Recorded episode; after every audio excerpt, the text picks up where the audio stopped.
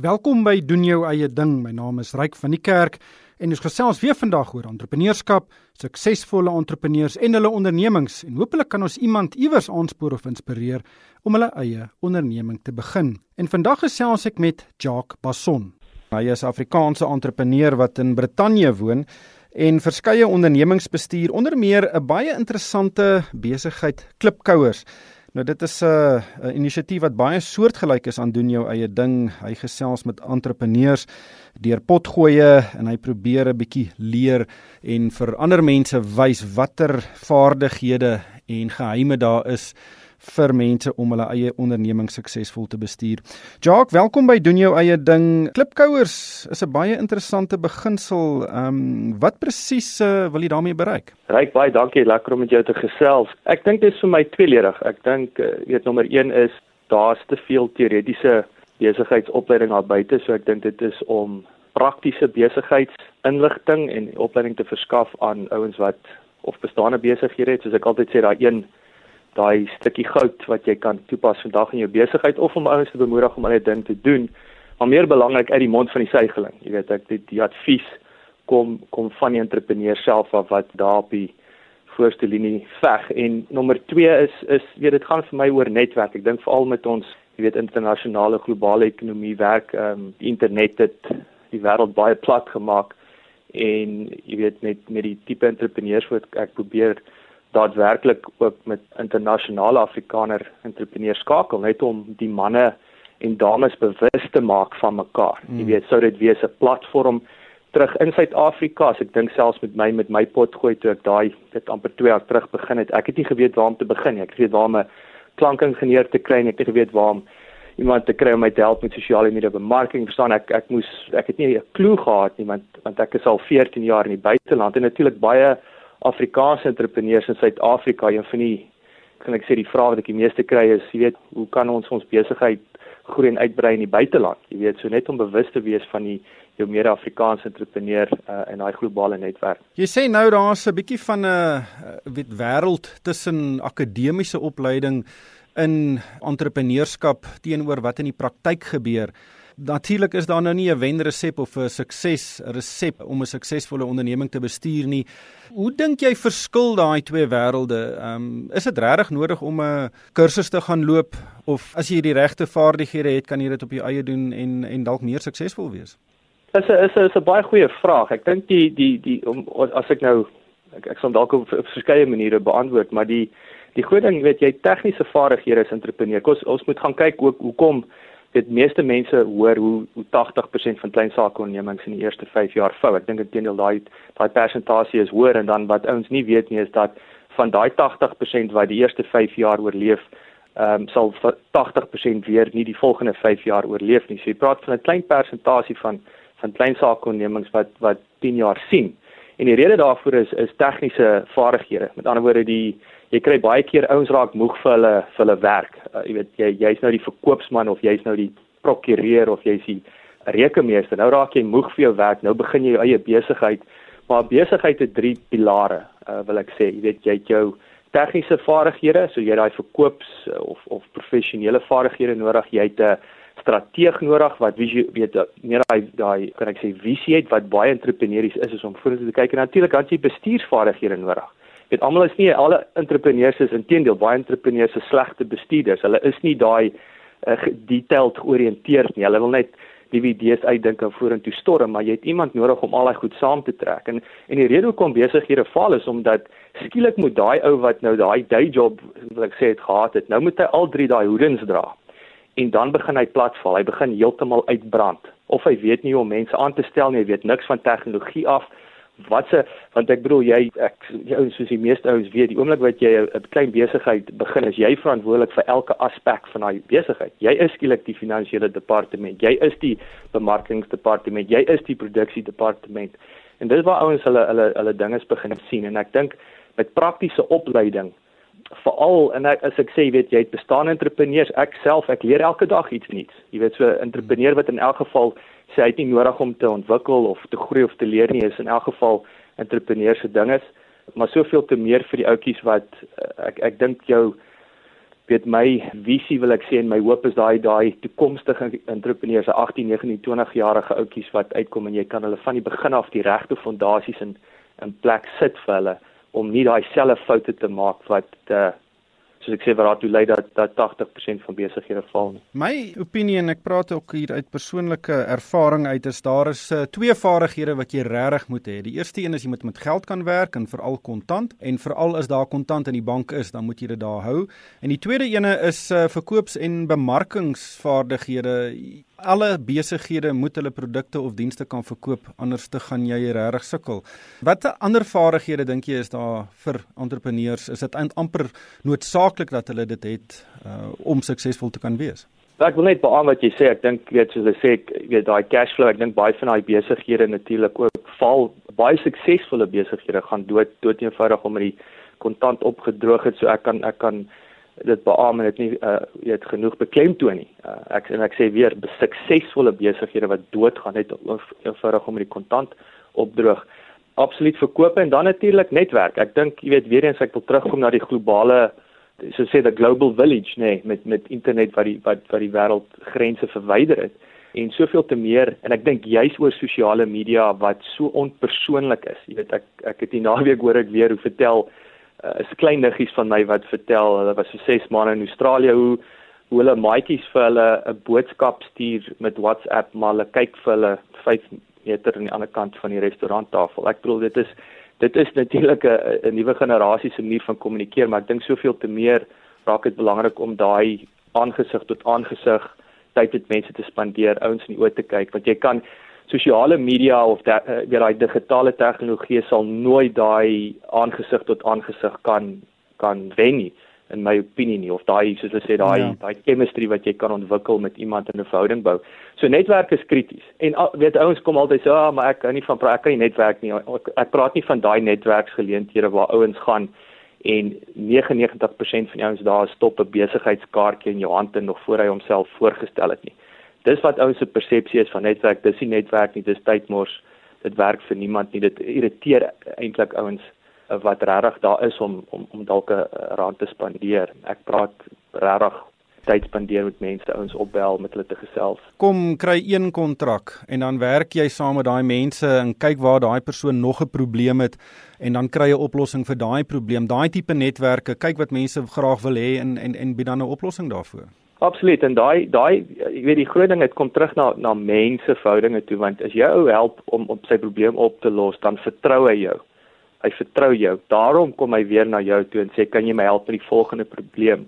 So daar's natuurlik en dit gaan ook soos hulle sê dit gaan oor daai daai voordele wat besigheid. Ek vind ook baie keer as ons kan aanraak kan verkoop en bemarking.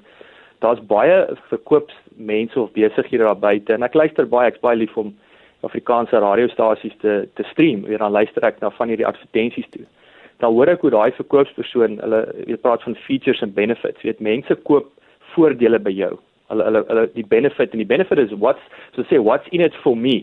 Dis hoekom mense geld mee. Kan ek geld spaar? Kan jy my laat beter lyk? Like? Kan jy my laat vinniger hardloop? Kan jy vir my meer geld laat maak? Dis hoekom mense met jou geld spandeer maar 90% van die tyd is mense besig om of verkoopsmense besig om vir ouens te vertel wat die produk kan doen vir hulle versus wat dit vir daai persoon kan beteken en sy lewe kan makliker maak of nie. En dit weer eens soos ek sê, dit gaan oor hoe jy hulle lewe kan makliker maak en natuurlik die vertroue wat jy opbou met mense. Jy's nou al lank in Brittanje. Hoekom nog hierdie fokus op Suid-Afrika en veral Afrikaans? Ryk uh, dit is dis maar my eerste liefde op die einde van die dag. Jy weet ek dink die die die Afrikaner uh, sonder om doekies om te draai, ek ek ek die Afrikaner is onderdruk in Suid-Afrika. Ek dink veral jy weet ek sien dat die tradisionele uh, behalwe dat jy weet koöperatiewe lewe jy soek vir moeilikheid in 21ste eeu in elk geval om te dink jy kan daarop bank en soveel te meer in Suid-Afrika. Ek dink die die Afrikaners uh,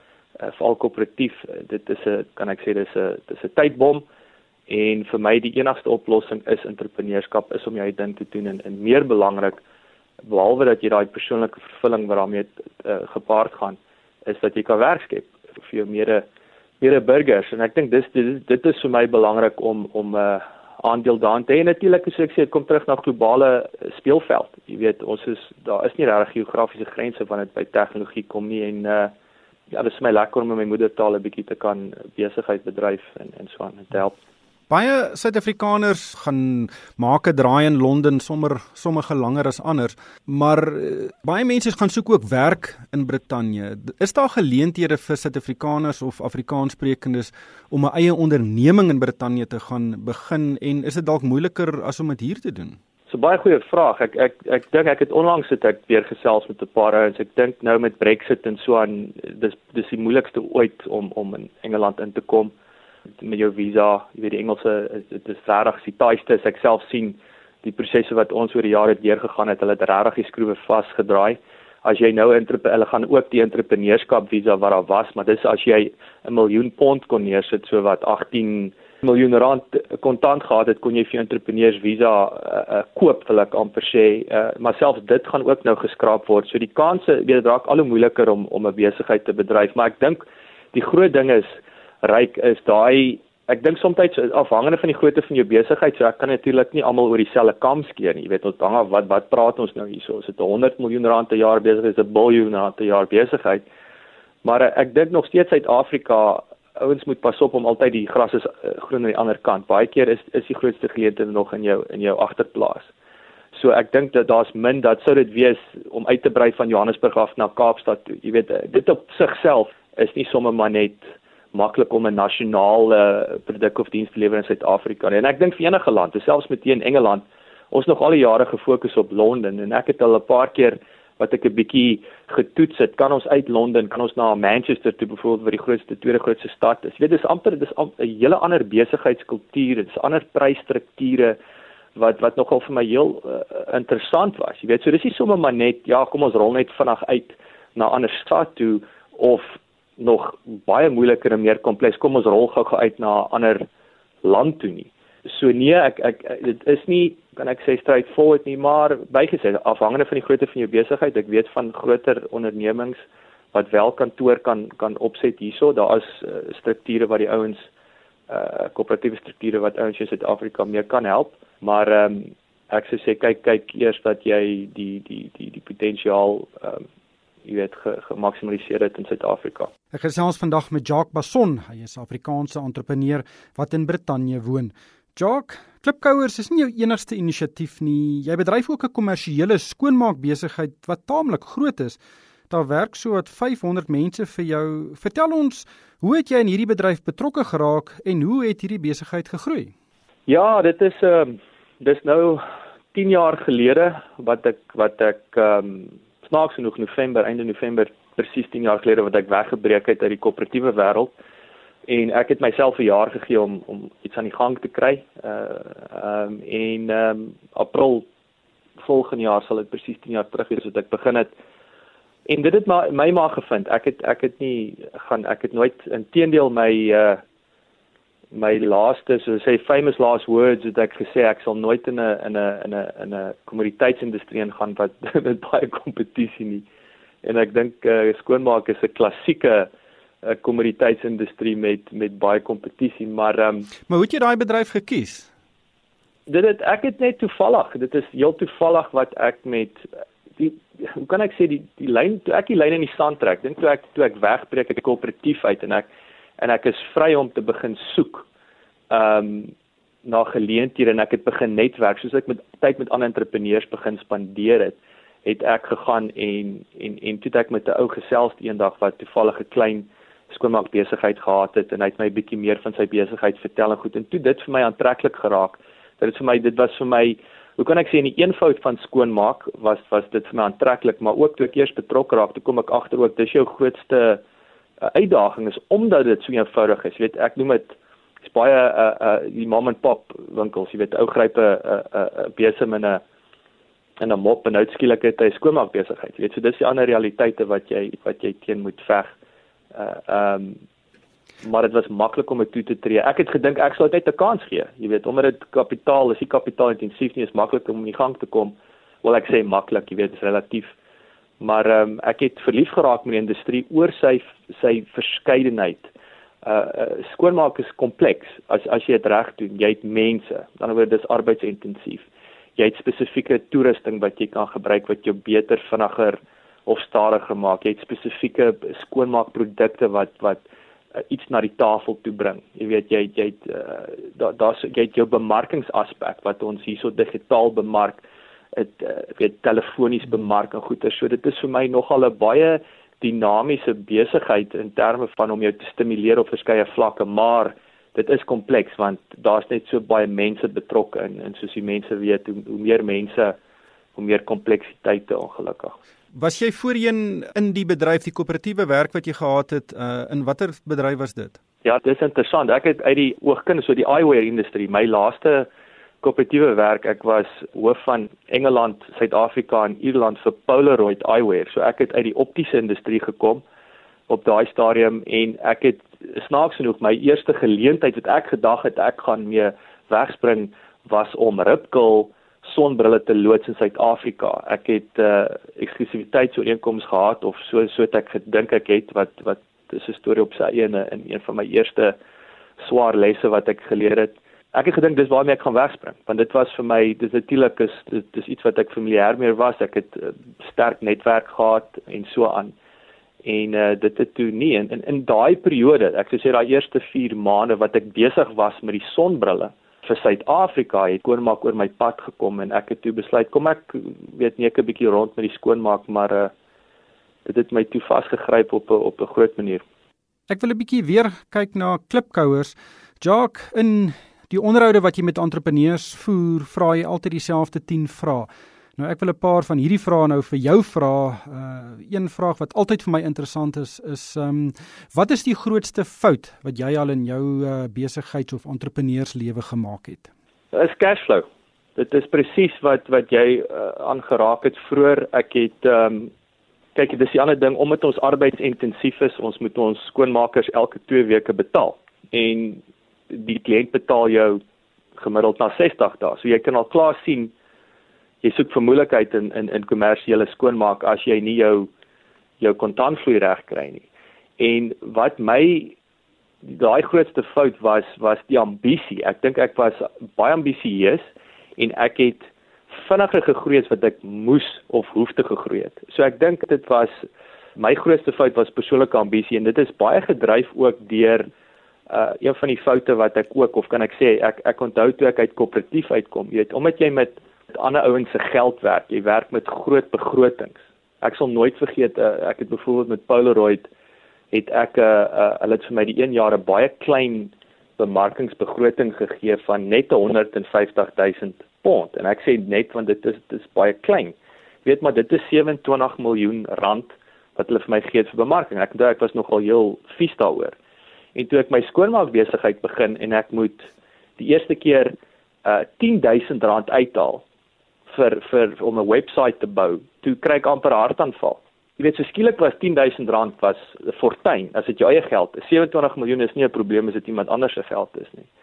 Maar ek dink in die proses het ek omdat ek daai koöperatiewe baie groot denke gehad het, ek gedink nee, maar dit kan nie 'n klein besigheidjie, dis nie goed genoeg nie. Dit moet so groot en so so mooi en so vinnig as moontlik wees en en in die proses het ek die, die besigheid baie skade aangedoen. Amp, ek het hom amper dood gegroei uh, in die proses en natuurlik behalwe vir vir die kontantvloei. Ek het ek het kernverhoudinge, ek het baie goeie mense verloor wat ek uitgebrand het en ek dink dis een van my grootste dis definitief een van my grootste foute omdat ek het dis so moeilik om kwaliteit ouens te kry, jy weet en ek het vroeg sekerlik van die beste mense wat ek mee gewerk het uh, oor die jare het ek verloor as gevolg van ehm um, hoe kan ek sê daai daai groei ambisie. Nog 'n vraag wat jy vra is ehm um, as jy kon oorbegin Uh, sou jy dieselfde bedryf uh, gekies het?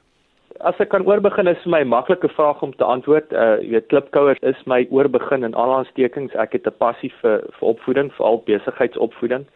Ek het oor die jare besef, jy weet, ek is ek is lief vir vir en dit is wat klipkouers is ook 'n is 'n personifikasie van my my liefde vir leer en dan dit te leer aan iemand. Jy weet, dit is ek kry 'n groot satisfaksie om met entrepreneurs te gesels, so dit is vir my eerstens leer ek baie, tweedens om dit dan terug te voer aan mense wat daarbey kan baat vind. So dit dit, dit is vir my 'n groot absolute passie en en, en gee vir my groot satisfaksie en dit is waar ek ook Suid-Afrika die die een van die groot geleenthede, maar nie net Suid-Afrika nie. Ek dink een van die jou soos hulle sê jou een van jou industrie wat reg is vir vir disruption. Ek ek ekskuus dat ek die taal so meng. Is jy opvoedingsindustrie. Jy weet dit is ja. fossiele ja.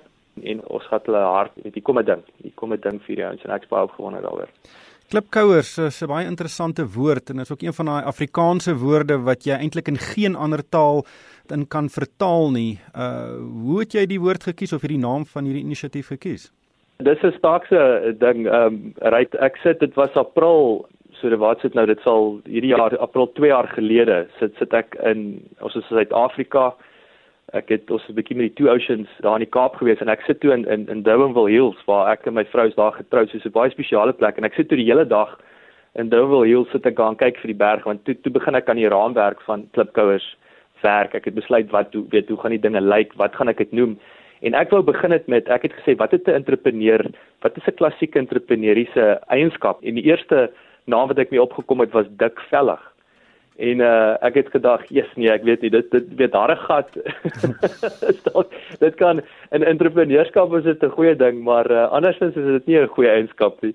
En uh, dit het toe van dik vellig gegaan en uh, later die middag toe begin ek dink aan klipkouers jy weet en vir my was dit ja ek weet baie ons wil wil negatief negativiteit daaraan konnoteer jy weet daar van jou sukkel jy weet vir my is dit nie dit gaan vir my dat die lewe is 'n konstante, jy weet, groeiproses en en groei is gelyk aan pyn. So vir my was klipkouers werklik 'n personifikasie van ek kan nie klippe om met ek sukkel die hele tyd nie. Ek kou klippe om met ek konstant moet verbeter en groei en dit is nie altyd maklik nie, maar dit is waar die vrede en die satisfaksie lê. Jacques, uh, baie interessante besigheid en en alle sukses met die uh, in die toekoms en uh, en hopelik maak uh, jy 'n werklike verskil en kan ons uh, heelwat meer besighede sien in Suid-Afrika. Ek beskou dit as een van die beste maniere om die probleme wat ons hier het op te los want daar's so 'n groot uitkring effek van van 'n nuwe entrepreneur wat suksesvol is. Ryk baie dankie en uh, is baie lekker om jou te gesels en sterkte met jou. Ek, ek bedoel jy doen al jy sou sekerlik ek sou jou as 'n pionier beskou met jou gesprekke met entrepreneurs en jy's definitief besig met iets baie belangriks en en alle sterkte. Ek hoop dit gaan van krag tot krag. Dankie Jacques. Dit was dan Jacques Basson. Hy is 'n uh, 'n Afrikaans sprekende in Brittanje wat besig is om met entrepreneurs te gesels en uit die perd se bek uit te hoor wat die wenresep vir nuwe ondernemings is. En ongelukkig moet ons haltroep, die tyd het ons ingehaal. 'n Potgooi van die program sal 'n bietjie later op die RSG webwerf beskikbaar wees. Dis rsg.co.za. Luisteraars is ook welkom om vir my 'n e-pos te stuur. My adres is ryk@moneyweb.co.za. En daarmee met 'n groet van my ryk van die kerk. Dankie vir die saamluister.